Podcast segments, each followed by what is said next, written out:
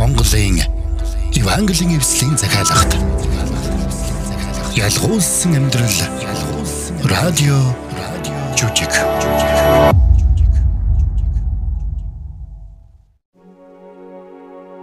Ялгуулсан амьдрал түүхэн радио жүжиг эхэлж байна. Өнөөдрийнхөө дугаараар бид санаанд багтамгүй аврагч болох Есүс Христийн амьдралын тухай үзэх болно. Хүн төрлөختнийг аврах Месиа Есүс энэ дэлхийд мэдлэх болно гэдгийг түүнийг мэдлэхээс олон зуун жилийн өмнө Бурхан Исая болон бусад иш үзүүлэгчдээр дамжуулан айлдсан байсан.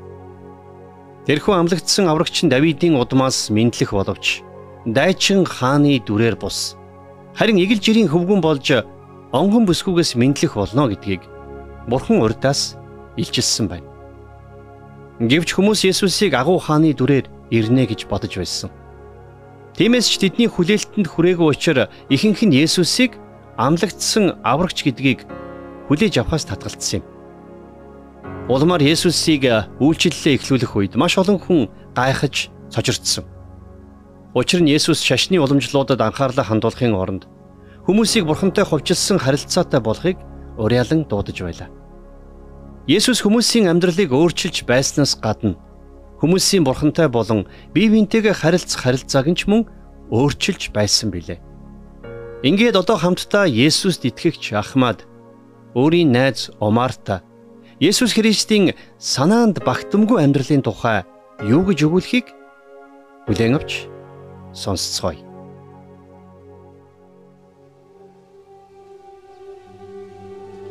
Өнгөрсөн 7 хоногоос эхлэн миний найз Умар Есүсийн тухай үннийг баг багаар ойлгож эхэлсэн юм.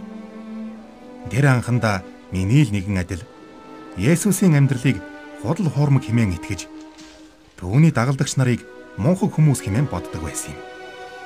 Гэвч Бурхны үг болох Библийг уншаад мөн Есүсийг мэдлэхээс олон зуун жилийн өмнө эшэзүүлсэн байсан тэрхүү эшэзүүлэлгүүдийн тухай олж мэдээд Оморын бодол санаа өөрчлөгдөж эхэлсэн юм. Ингээд бид Есүсийг энэ дэлхий дээр ирэх аврагч Месая мөн эсэх тухай удаан ярилцсан. Мөн Есүсийг хэрхэн хүн төрлөختнийг гэм нүглээс аврахын тулд бяцхан хүү болон мэндэлсэн тухай ярилцсан. Гэхдээ үнэндээ Есүсийн мэндэлсэн үйл явдал онцгой байгаа зогсохгүй. Түүний амьдралч мөн санаанд багтамгүй гайхамшигтай байсан юм. Тиймээс би өнөөдөр Амартай энэ тухай ярилцахаар шийдсэн билээ. За Ахмад найз минь. Ажил амьдрал сайн уу? Сайн байлгүй яах вэ Амар? Чи сайн биз дээ. Жаахан бодлаад л баг багаар уучраа олоод л явж байна. Хүй. Өнгөрсөн 7 хоногт чамтай уулзнаас хойш чиний надад өгсөн Библийг ар өвөргөө уншиж өнчлөө. Нэг хэлэхэд олон жил дотроо тээж явсан олон асуултанд хариулт авсан шүү. Гэхдээ л тэр хариултуудыг дагаад бүр олон асуултууд ургаж гарч ирээд байх юм аа. Тун саяхан л би яг чам шиг байсан да. Ааха. Үннийг хэлэхэд миний ярил хайгвал одоо ч үргэлжилсээр л байна. Би бурхны үг болох Библийг өдөр бүр уншдаг. Тэгээд өдөр бүр л шин юм сурч мэддэг дээ. Гэхдээ Есүсийн сургаал миний үзэл бодолтой яг эсрэгцээд байх юм аа. Дайснаа үзэн ядах ёстой байтал Есүс дайснаа хайрал гэж сургах юм. Өшөөгөө авахын оронд уучил гэж заах юм. Өө, миний найз чинь тэгвэл Матай 5-аас 7 дугаар бүлэгт гардаг Есүсийн уулын сургаалыг уншсан байх шүү дээ. Тийм ээ тэгс. Чи яаж мэдсэн? Би энэ бүлгүүдийг байнга уншдаг. Энд бичигдсэн үгс миний амьдралыг харах харааг бас хүмүүстэй харилцах харилцааг маань үнэхээр их өөрчилсөн шүү. Гэхдээ Есүсийн энд сургасан шиг яаж амьдрч чадах юм бэ? Юу гэж хэлсэн байгааг чи сонсол доо. Хөршөө хайрал дайснаа үзэн яд гэж хэлснийг та нар сонссон. Харин би та нарт хэлье дайснуудаа хайрл та нарыг хавчигчдын төлөө залбир. Яг үнэндээ Ахмад. Ямар ч хүн ийм зүйлийг хийж чадахгүй шүү дээ. Тийм ээ, үнэн. Би ч бас ингэж амьдрч чадахгүй. Угтаа бол зөвхөн Есүс л ямар ч гэм нэгүлгүй амьдралаар амьдрч чадсан. Өөр хинч өөрийнхөө хүчээр Есүсийн заасан сургаалыг байнга даган амьдрч чадахгүй. Тийм учраас л Бурхантай харилцах харилцаа маш чухал гэдэг юм. Бид гэм нүглээ гэмшиж Есүсээр амьдралаа бүрэн удирдуулж байж л Бурхны хүссэн замаар амьдрч чадна. Тийм болохоор бид Бурхны ариун сүнсээр л удирдуулж амьдрах ёстой гэсэн үг. Мм. Би чи нарийн учрыг бүрэн сайн ойлгож амжаагүй л байна. Гэхдээ л Есүсийн тухай илүү ихийг мэддэг болмоор санагдаад байх юм. Уншаад судлаад л байгаарай омар минь. Бас Бурханаас өөрийнхөө үннийг илчилж өгөхийг гуйж залбираарай. Гуйлтыг чинь тэр заавал биелүүлэх болно. Юу гэхээр Есүс олонний өмнө үйлчлэлээ эхлэх үедээ маш олон хүний анхаарлыг татсан байдаг юм. Зарим хүмүүс маш их гайхаж, зарим нь маш их сонирхож байсан. Хүмүүс Есүсийг өвчтөе хүмүүсийг яаж идгээж, яаж гайхамшигыг үлдэж тэр битгийх л таван талах хоёр загсаар 5000 хүнийг яаж хоолсон тухай сонссон байсан. Гэхдээ өөрийн тойрон хүрээлсэн тэр олон хүмүүс бүгдээрээ өөрт нь итгэсэн итгэгч нар биш гэдгийг Есүс өөрөө ч мэдэж байсан. Гэсэн хэдий ч Есүс үргэлжлүүлэн бусдад үйлчилсээр байсан. Тэгээд Есүс 12 эгэл жирийн хүнийг өөрийнхөө хамгийн ойрын шав болгож сонгож авсан байдаг юм. Есүс тухайн үеийн шашны удирдагчдаас биш эгэл жирийн хүмүүсээс ингэж сонгож авсан нь ч учиртай. Угаасаа Есүсийн сургаал тухайн үеийн шашны удирдагчдын сургаалаас өөр байсан. Шашны удирдагчид шашны зан үйл уламжлалыг чухалчилж байсан бол Есүс ард түмний хэрэгцээг илүү анхаарч байсан. Жишээ нь Есүс амралтын өдрөөр өвчтөе хүмүүсийг эдгэж байсан нь амралтын өдрөөр амрах ёстой гэж сургаж байсан шашны удирдагчтай зөрчилдөх шалтгаан болж байлаа. Хараач. Яагаад тэд амралтын өдөр хууль бусыг үйлдэнэ вэ? Хүн амралтын өдрийн төлөө бус. Амралтын өдөр хүний төлөө бий болсон. Хүний хүү амралтын өдрийн ч эзэн мөн. Есүс нэгэн удаа сүм дотор хатангар гартай хүнтэй таарсан байдаг юм. Тэр өдөр нь амралтын өдөр байсан болохоор шашны удирдагчид Есүсийг анхааралтай ажиглаж байсан. Тэгсэн ч Есүс тэднээс үл хамааран тэр хүнийг эдгээсэн байдаг юм. Амралтын өдөр эдгээх нь хуйлд нээцэх үү?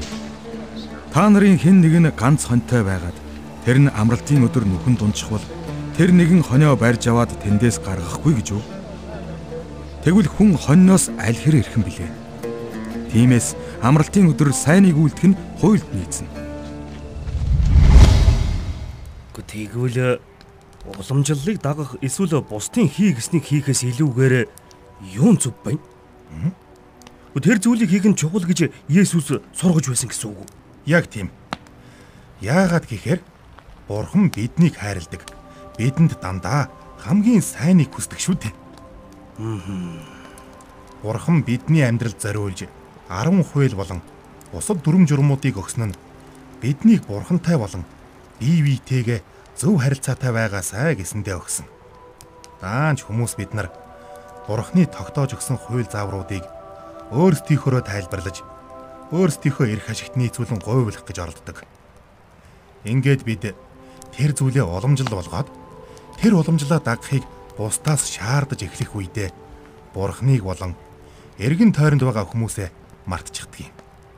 Тэгвэл тухайн үеийн эрх мэдэлтнүүд Есүсд дургүй байсан нь аргагүй юм байна л да. Тийм болохоор л цаадуулна Есүсийг хөнөөх гэж хойволдож эхэлсэн байдаг юм. Үүнийг нь Есүс мэдээд яасан бэ? Хийж байгаа зүйлээ зогсоосон уу? Яалаа гэж дээ. Есүс зогсоогүй. Гэхдээ Есүс шавнартаа өөрийг нь дагах ямар үр дагавар авчирч болох талаар анхааруулсан байдаг юм. Хэн нэг нь миний араас дагахыг хүсвэл тэр нь өдөр бүр өөрийгөө гүйсгэн загалмайгаа авч намайг даг. Хэн амиа аврахыг хүснэ тэр түүнийг алдна. Харин хэн миний төлөө амиа алдна тэр түүнийг аварна. Хүн бүх ертөнцийг олж авсан ч амиа алдвал ямар ашиг байх вүлээ те. Гэхдээ бид нар бүтлгүүтгүүл яах вэ Ахмад? Бид э, Есүсийг итгэмжтэйгээр дагаж чадахгүй бол яах вэ? Гэхдээ тэгэд нэг мэдсэн чинь зөндөө олон алдаа гаргачихсан байвал яах юм бэ? Хэрвээ чи ингэж асууж байгаа бол Лук 15 дугаар бүлэгт гардаг нэгэн хүүгийн түүхийг унших хэрэгтэй юм байна да Омар.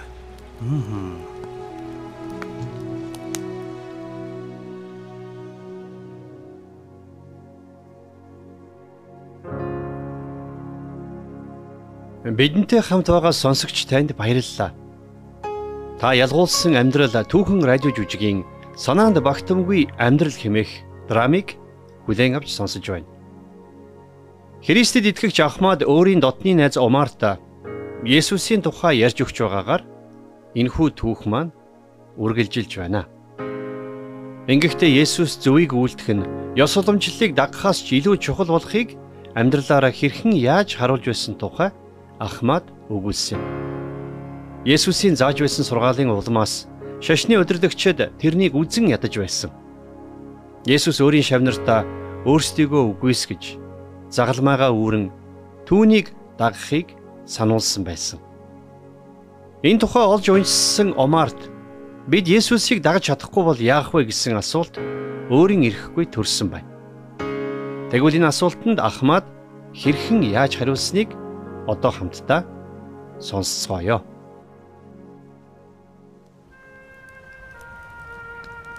Есүс нэг удаа ааваасаа өвлөж авах ёстой өв хөрөнгөө урьдчилж авахаар эцгээсээ нэгсэн нэгэн залуугийн тухай сургаалт зөвөрлөл ярьсан байдгийм. Тэр залуу нь аавыгаа амьд сэрүүн байхад нь өөрийнхөө авах өвийг төрүүлээд авъя гэсэн юм. Харин тийм. Тэгээд эцэг нь эд хөрөнгөө хоёр хүүдээ зориулж хоёр хуваагаад нэгийг баг хүүдээ өгөөд явуулжээ. Зөө. Ингээд баг хүн өөрийн эд хөрөнгийг аваад алс холын орон руу одож тэндээ дураараа дөргөн амьдарч нэг л мэдхэд бүх өмч хөрөнгөө үрэн таран хийж дуусгажээ. Тэгтэл тэр нутагт нь өлсгөлн нүүрлэж тэр хүү өлсөж өгөхгүй тулд гахаа малдаг ажил хийдэг болсон байна. Кэж хаавас. Гэхдээ арай дээр ажил олдог үл юм байх та. Өөр ажил олдох нь бүхэл тэр хүү өлсөж өгөхтөрөө тулсан байна. Тэр хүү гахааныхаа иддэг тэжээлээс эдхийг хүссэн ч тэрэнд гахааны хоолч өгөх хүн байсангүй. Ёстол нөгөө модоо барьж тардагтаа тулж идэх хөрхий. Харин тийм ээ. Заримдаа бид өөрсдөө хүртэл шаардлагатай өөрчлөлтийг хийхин тулд шалдаа буух ёстой болдог шүү дээ. Ингээд мөнөөх залуу хүү эцгийнхээ герт ямар жаргалтай амьдардаг байснаа ухаарчээ. Эцгийнхэн зарцнарч өөрөөс нь хавьгүй сайхан амьдардаг болохыг санаж ерөөсөө эцэгтэй очиж бүх гэм бурууга хүлээж хөөн байх зохисгүйч зарцсан болъё гэж гуйхаар шийдэж. Аа унч тэр нөхрийг ёстой болгож өгсөн байх та. Үгүй дээ. Чиний бодсон шиг юм болоогүй. Хөөе. Харин чаав нь хүүгээ эрхийг хүссэн хүлээж байсан байна. Тэгээд хүүгээ ирж явааг алсаас хараад хүүрүүгээ гүн очиж тэрч аваад үнсжээ. Тэгээд мөнөөх хүүг хэлэх гэсэн үгээ хэлж дуусаагүй байхад нь аав нь зарцнараа дуудаж ингэж хэлжээ. Хамгийн сайхан хувцсыг хурдан авчирч түүнийг хувцал. Гарт нь бөгж зөв. Хөлд нь гутал өмсөг. Тарган тугад авчирж ядал бүгдээрээ найрлаж цэнги. Учир нь энэ хүү маань үхсэн боловч ам оржээ. Тэр алдагдсан боловч олдлоо. Гэхдээ эн чи ямар ч утгагүй юм аа. Тэр хүүд эцэгтэй очих ямар ч нүүр байхгүй штэ. Гэтэл аав нь найр хорим хийж л байдаг. Харин энэ чинь л Есүсийн хэлэх гэсэн санаа юм шүү дээ. Амар. Тэр хөө аавынхаа уучлалыг хүлээн авах зохисгүй байсан шиг бид ч бас Бурхны уучлал өршөөлийг хүлээн авах зохисгүй байсан. Гэсэн ч бид чин сэтгэлээсээ гимшвэл Бурхан биднийг уучлдаг юм. Тэр төөрсөн хүүгээ харуулдан хүлээж байсан эцэг шиг биднийг ч бас хүлээж байдаг. Тэгээд биднийг Бурхан эцэгтэй эргэн ирэх үед мөнхийн улс даяар баяр хөөр болдог юм шүү дээ.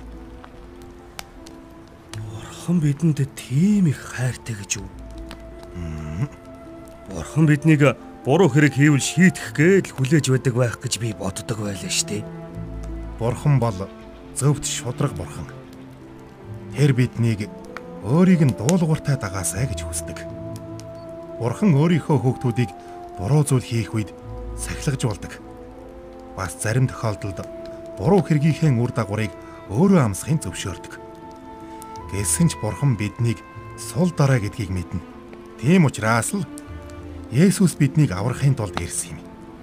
Есүс энэ дэлхийд ирээд гэм зэмгүй амьдралаар амьдарч бид бүхний гэм нүглийн төлөөсийг төлөхийн тулд загалмай дээр амиа өгсөн. Тэнхүү түүнд итгэсэн хүн бүр мөн хамтай болох боломжтой болсон юм. Хөөх. Би ийм хайрын тухай ерөөсөө сонсч байгаагүй юм байна. Бид ийм агуу хайрыг Есүс Христээр дамжуулан хүлээн авах боломжтой юм шүү дээ. Хоёулаа дараа 7 ногт уулзахдаа Есүс Христийн бидний төлөө гаргасан тэр золиосын тухай ярилцаж болно шүү дээ. Аа. Тэгэлгүй вэ? Ахмад. Би заавал чам дээр ирж уулзах болно. Өнгөрсөн 7 хоногийн уулзалтаар Омор найз маань Есүс Христ хэрхэн санаанд багтамгүй байдлаар мэндэлсэн тухай олж сонсоод ихэд гайхсан билээ.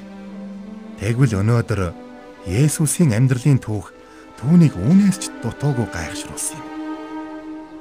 Омар Есүсийн уулын сургаалыг уншиж Христэд итгэгч байна гэдэг амаргүй даваа болохыг олж мэдсэн байна. Бас Есүс тэр бүх сургаалаа өөрийн амьдралаараа үлгэрлэн харуулсан болохыг ч тэр олж мэдсэн. Есүс дайснаа хайрл гэж сургасан. Өөрөө ч дайснуудаа хайрлж байсан юм. Бидний зүрх сэтгэлийн нөхцөл байдал бидний үг болон үйлдэлд нөлөөлдөг гэдгийг Есүс сургаж байсан. Бид өөрсдийн амьдралын жалоодлагыг Есүст бүрэн атгуулах үедээ Бурхантай харилцах эрүүл зөв харилцааг бий болгож байдаг. Омар мөн ойлгоход хэцүү сүнслэг ойлголтуудыг тайлбарлахын тулд Есүсийн ярьсан сургаалт зөвлөлүүдийг сонсож маш олон зүйлийг ойлгож авсан юм. Гэрээ орхин одсон хүүгээ баяртайгаар угтан авсан эцэг шиг Бурхан биднийг баяртайгаар угтан авдаг гэдгийг омаар ойлгож эндээс Бурханы хайрыг олж харсан юм. Ирэх 7 хоногийн уулзалтын үеэр омаар зүрх сэтгэлээ нээж Есүс Христ бидний гэм нүглийн төлөө амиа өгсөн гэдгийг хүлээн авахын төлөө би залбирч байна.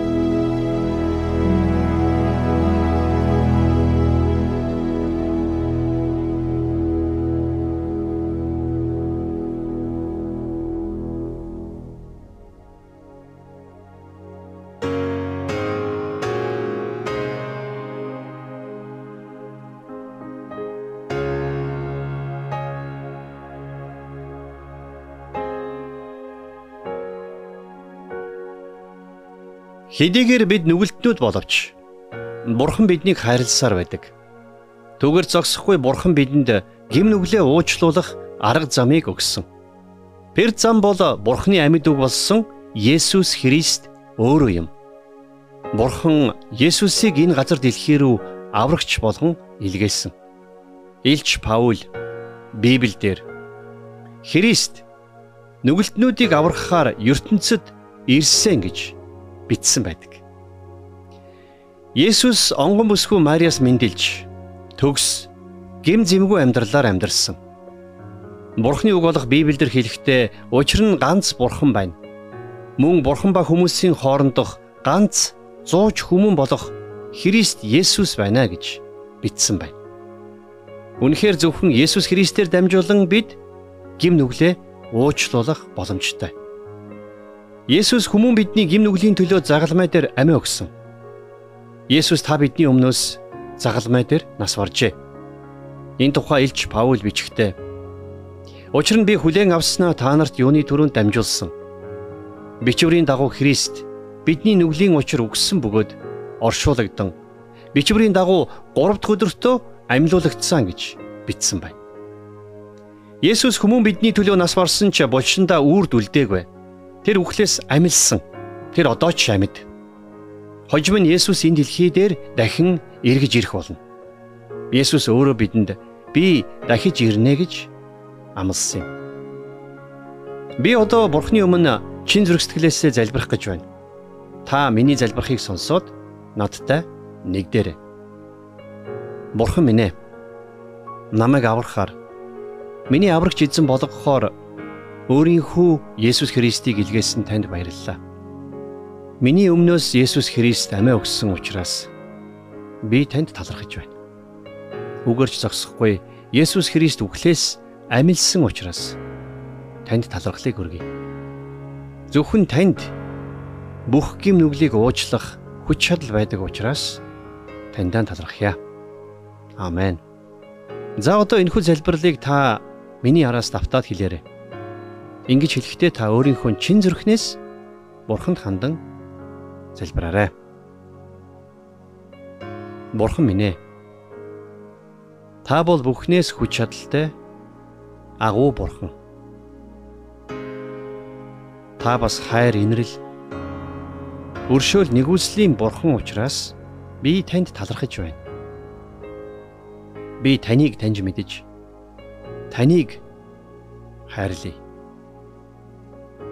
Есүсийн нэрээр залбирлаа. Амен.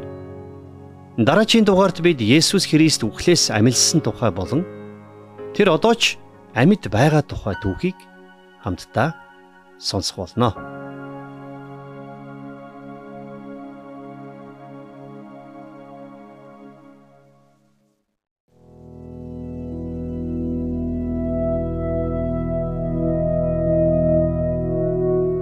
Радио жүжигийг маань хүлээн аван сонссон сонсогч танд маш баярлалаа. Ингээд драмтай холбоотой асуулт хариултын цаг эхэлж байна. Тэгэхээр бид бүгдээрээ нүгэлтнүүд гэж юу? Тэгвэл нүгэл гэж яг юу юм бэ? Тийм ээ, бид нар бүгдээрээ нүгэлтнүүд. Бүгд адилхан. Баян ядуу хөгшин залуу сайн муу ялгаагүй бид бүгдээрээ нүгэлтнүүд. Бурхны үгэнд хэлэхдээ зөв тхэн алга, ганц ч алга. Бид нүгэл үйлдсэн тул Бурхны алдарсууд хүрдэггүй гэсэн байдаг. Нүгэл гэдэг нь Бурхны стандартад хүрэхгүй байх нэр юм. Өөрөөр хэлбэл Бурхны биднээс хүсэн хүлээдэг хэм хэмжээнд хүрэхгүй байна гэсэн үг. Нүгэл бол бурханд дуулуургүй хандаж түүний тушаалуудыг зөрчнө гэсэн үг. Энэ бол бидний зүрх сэтгэлээс гадна бидний оюун бодол, үйл хөдлөлтөй шууд холбоотой. Хэрвээ хин нэгэн хүн төрсэн цагаас нэг ч гим нүгэл үлдэхгүй бол яах вэ? Тэр хүн мөнхийн усад очих уу? За юуны төрөнд гим нүгэл оогт үлдэхгүй амьдрч чадах хүн гэж нэгч байхгүй гэдгийг бид ойлгох хэрэгтэй. Үүнээс илүүгээр бид ихээс мэдлэгтэй л нүгэлт мөн чанарыг тээж мэдлдэг гэдгийг бид ойлгох ёстой. Тиймээс гим нүгэл бидний зүрхэнд оршдог гэсэн үг. Улмаар энэ нь бидний бодол санаа болон үйлдэлд нөл болж үүдэг. Тиймээс альва хүн мөнхийн улсад орох цорын ганц арга зам бол Есүс Христийг хаврагчаа болгон хүлээн авах явдал юм. Бурхантай хувьчлан харилцана гэдэг нь яг юу гэсэн үг юм болов? Би бурхантай харилцах бити хийл бурхан байдаг гэдэг ч эргэлзэж явдаг хүн л дээ. Байдаг хэсэгт нь эргэлзэж байгаа хүн одоо бурхантайгаа яаж харилцах болж байна? Бидний эргэн тойронд байгаа дэлхийн ертөнд сайн сайхан бүхнийг харахдаа энэ бүхний цаана бүтээгч бурхан байгаа гэдгийг бид ойлгож болно. Бурханы үг болох Библиэд хэлэхдээ Тэнгэр нь Бурханы сүр жавхланг зарлаж огторгүй гарынхын бүтээлийг тунхаглаж байна. Өдрөөс өдөрт тэдгээр нь ярьж шөнөөс шүнэд мэдлэгийг илчилмүй. Хэл яриа хийгээд үг үгүй дууж сонсогдохгүй гэсэн байдаг. Бид эргэн тойрондоо байгаа байгаль дэлхийг харахтаа үүнийг бурхан бүтээжээ гэдгийг ойлгож чадна. Тийхүү бурхан байдаг гэдгийг бид мэдэж чадна. Цаашилбал бурхан бүхнийг чадагч агуу хүчтэй нэгэн гэдгийг бид ойлгож чадна. Бурханы үгэнд бурханы бүтээлүүдийн тухай өгүүлэхтэй. Эхэнд бурхан тэнгэр ба газрыг бүтээжээ гэсэн байдаг. Гэхдээ бүх бүтээлүүдээс илүү гайхамшигтай. Бурхан хүмүүс биднийг бүтээхдээ өөрийнхөө дүр төрхөөр бүтээж бидэнтэй амьд харилцаатай байхаар тогтоосон. Тиймээс тэр биднийг өөрлөө нь итгэлээр хараасаа гэж хүсдэг. Тэр биднийг өөртөө нь ярилцаасаа гэж хүсдэг. Бидэнд өгсөн сайн сайхан бүхнийхин төлөө тэр биднийг өөрт нь талархаасаа гэж хүсдэг.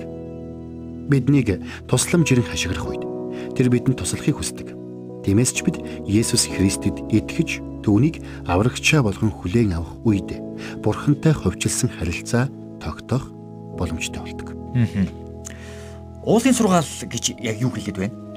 За уулын сургаал гэдэг нь шүү дээ. Есүсийн үе олон хүнд сургасан гайхалтай сургаал юм. Энэ сургаалд багтсан үгс нь бидэнд хэрхэн амьдрах учиртайг зааж өгдөг.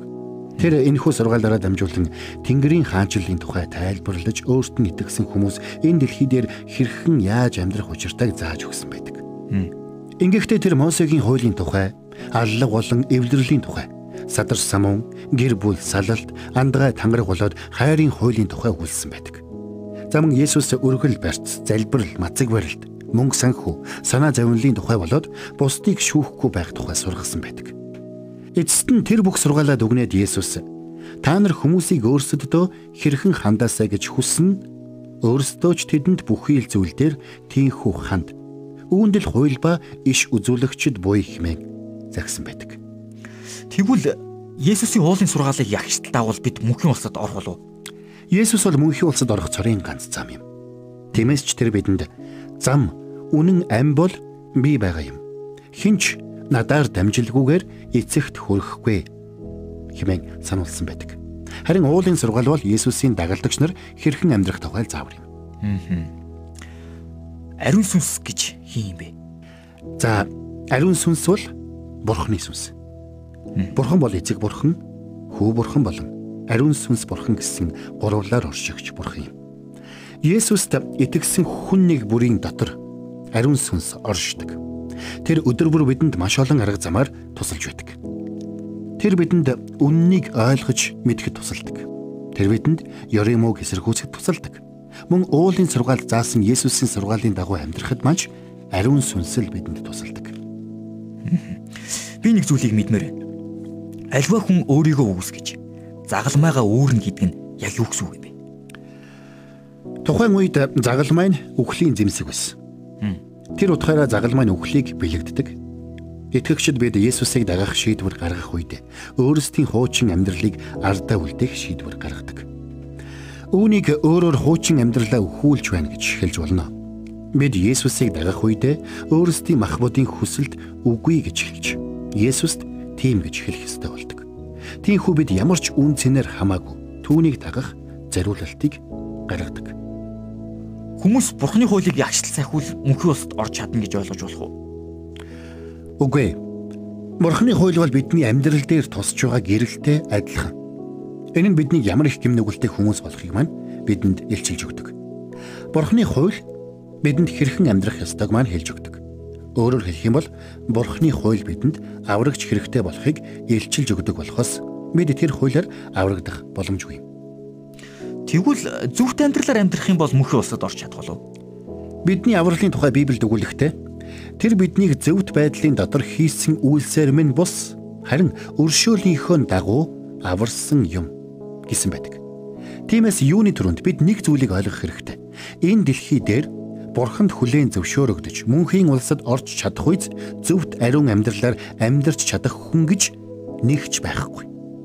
Бурхны үгэнд хэлэхдээ бид бүгд бузар хамаг зөвхт байдлууд маань бохир хувцас мэт гэсэн байдаг.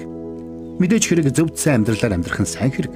Бид бүгд чадах чинээгээрээ зөвхт амьдралаар амьдрахыг хичээх учиртай. Гэхдээ энэ нь биднийг мөнхийн улсад оруулахад хангалтгүй маа.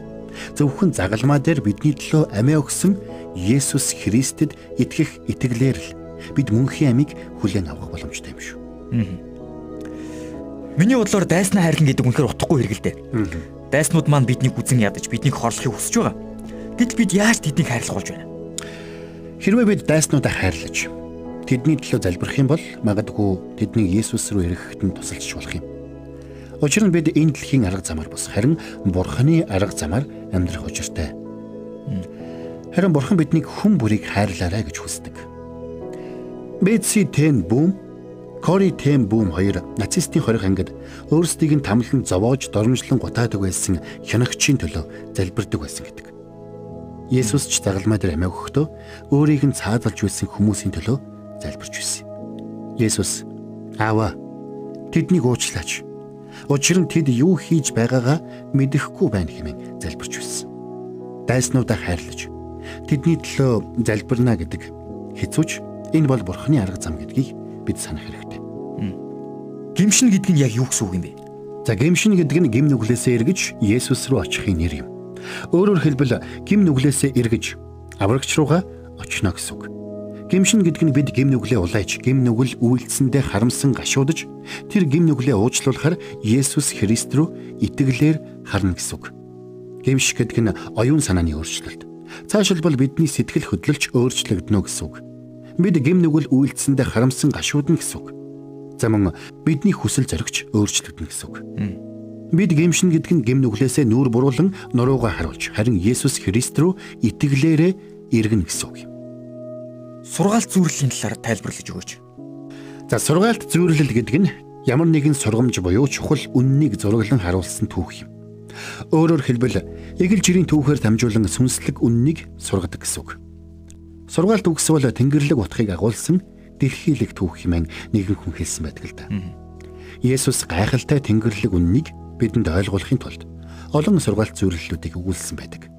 Хүмүүс Есүсийн ярьсан сургаалт зөвлөлүүдийг сонсох дуртай байсан. Өнөөдөр бид ч бас Есүсийн ярьсан сургаалт зөвлөлүүдээс маш олон чухал зүйлийг сурч мэдж чадна. Есүсийн ярьсан сургаалт зөвлөл дээр гарсан хүү гэрээ орхиод хаашаа явсан юм бэ? Бурхны үгэнд тэр газрыг алс холын орон гэж нэрлсэн байдаг. Тэр газар яг хаана байдаг тухай хэлээгүйч би нэг зүйлийг тодорхой хэлж чадна. Алс холын орон гэдэг бол Аливаа хүн бурхнаас ангид амьдрах гэж оролдож байгаа тэр нөхцөл байдал. Аливаа хүн төрсэн хотоосоо гарахгүй, төрсэн гэрээсээ огт явахгүй байсан ч бурхнаас алс хол амьдарч байгаа бол тэр хүн алс холын оронд байна гэсэн үг юм. Өөрөөр хэлэх юм бол алс холын орон гэдэг нь хэдэн километрийн зайтай вэ гэдгээр хэмжигдэхгүй байна. Харин бурхнаас алс хол амьдрах гэж оролдож байгаа бол тэр хүн алс холын оронд амьдарч байна гэсэн. Тэр алс холын орон руу явсан хүү бодит байдлаа ухаарч эцэгтэй боцож очих шийдвэр гаргахад нь юу нөлөөсөн юм бэ? За миний бодлоор тэр хүү бүх мөнгөө өрн таран хийсэндээ ч биш. Юудэчүүдийн жигшдэг ажлыг хийх болсондоо ч биш. За эсвэл тисхийн аргагүй их өлссөндөө ч биш. Харин эцгийгээ сансан учраас ухаан орсон баха. Мэдээж энэ бүхэн түүнийг ухаан ороход нөлөөлсөн. Гэхдээ хамгийн чухал нь тэр эцгийнхээ хайрыг сансан. Эцэг нь түүнийг ямар ихээр хайрладаг байсныг тэр санс. Өнөөдөр ч маш олон хүн бурхан өөрт нь ямар их хайртай гэдгийг санах хэрэгтэй байна. Тэр хүн гим нүгэлтэд хэр гүн живсэн байхаас үл шалтгаалаад бурхан эцэг нь тэднийг өөрлөгөө ирээсэ гэж хүлээсээр байдаг юм шүү. Есүс ярьсан сургаал зүрэл дээр гарсан тэр эцэг яагаад гэрээ орхиж яваад амьдралаа өрн таран хийсэн хүүгээ баяртайгаар ухтаавсан юм болов. За яагаад гэвэл Есүс энэ түүхээр дамжуулаад Бурхныг бидэнд илчлэн харуулахыг хүссэн. Гэрээ орхиод алас холын орон руу явж хамаг эд хөрөнгөө өрн таран хийж дуусаад эргээд эцэглүүгээ ирсэн хүү шиг бид ч бас бурхан руу нуруугаа харуулж өөрсдийн замаар явцгаасан. Гэсэн ч бурхан биднийг хайрлаж өөрлөө нь эргээд ирэхийг хүлээсээр байдаг. Тэр биднийг өөртөө нь ойр байгаасаа гэж хүсдэг. Биднийг гим нүгэлтэйгээ хутгалдан амьдрах үед тэр харуулсан гашуудж байдаг биднийг хизээж бурхан руу очисон. Тэр биднийг хайрладаг учраас биднийг баяртайгаар хүлээж авдаг. Учир нь бурхан бол хайр. Өөр нэг асуулт асууя. Есүс үнэхээр 5 талах 2 загсаар 50000 хүнийг хоолсон гэж үү? Тийм ээ. Есүс бяцхан хүүгийн өдрийн хоолоор 50000 гаруй хүнийг хоолсон. Өөр нэгэн удаа Есүс 4000-аад хүнийг 7 талах хідэн загсаар хоолсон байдаг. Учир нь Есүст бүх хүч чадал, эрх мэдэл бий. Энэ дэлхий дээр амьдарч байхдаа тэр маш олон гайхамшгуудыг үйлдэж байсан. Тэр чөтгөрүүдийг зайлуулж, сохрыг харааруулж, дүлийн нэгнийг сонсголтой болгож байсан. Тэр усан дээгүр алхаж, хүчтэй шуургыг намнааж байсан. Тэр суумгай хүмүүсийг алхуулж, тэр бүхэл үгсэн хүнийг ч амьлуулж байсан. Энэ бүхнийг үйлдэхдээ тэр хүмүүсийг хайрлсан хараа харуулахын тулд хийж байсан. Бас тэдэнд өөрийгөө бурхны хүү гэдгийг батлахын тулд хийж байсан. Гэхдээ би дахиад хэлье. Есүс энэ дэлхий дээр гайхамшиг үйлдэхийн тулд ирээгүй. Харин бидний гим нүглийн төлөө загалмаа дээр амиа өгөхийн тулд ирсэн юм шүү. За сүүлийн асуулт. Сүүлийн асуулт маань жоохон хувийн шинжтэй байна. Ааха. Миний амьдралаар дүүрэн асуудал байна. би бүр тэр бүх асуудал дундаа живэх гэж байгаа юм шиг санагдаж байна л да. Би тэр бүх асуудлуудаасаа яаж ангижрах вэ? Би таны нөхцөл байдлыг маш сайн ойлгож байна. Миний амьдралд ч бас заримдаа маш их асуудал арараасаа тулгардаг. Ийм асуудлууд биднийг маш амархан хөл алдуулж, бидний амьдралыг жолоодлогогүй юм шиг болгодог гэдгийг би мэднэ. Ийм асуудлуудаас болоод бид амар тайван байдлаа алдаж, яарч сандран өөрсдийгөө бүрч илүү асуудалд унгадаг. Угтаа бол бид ийм тохиолдолд Бурхны өмнө очин залбирч, түүнээс тусламж гуйхын зүйтэй юм. Бурхны үгэнд хэлэхдээ тэр та нарт санаа тавьдаг учраас бүх завинлоо түүнд хай гэсэн байдаг. Есүс өөрөө ч нэгэнтээ зүдэж зүтгэгсэд хийгээд хүнд ачаа үүрсэн бүгдээ над дээр ир. Би та нарыг амраа. Буулгыг минь өөрсөд дээрээ ав. Надаас сур. Би дөлгөн зүрхэндээ дарав. Та нар сэтгэлдээ амралтыг олох болно. Буулга минь аятай, ачаа минь хөнгөн гэсэн байдаг. Тиймээс би яг одоо таны төлөө залбирч өгье. Бурхан минь ээ. Та энэ найзтай минь хамт байж. Амьдралдаа тохиолдсон бүхий л асуудлууд, ачаа дарамтууд Есүсийн өмнө авчрахад нь туслаач. Амен. Есүс Христэд та итгэж найдах үед тэр таны санаанд ч оромгүй гайхалтай арга замуудаар танд туслах болно. Маш их баярлалаа. Өнөөдрийн дугаарыг маань хүлээн авсан сонссон та бүхэнд маш их баярлалаа. Дараагийн дугаараар иргэ уулзцгаая.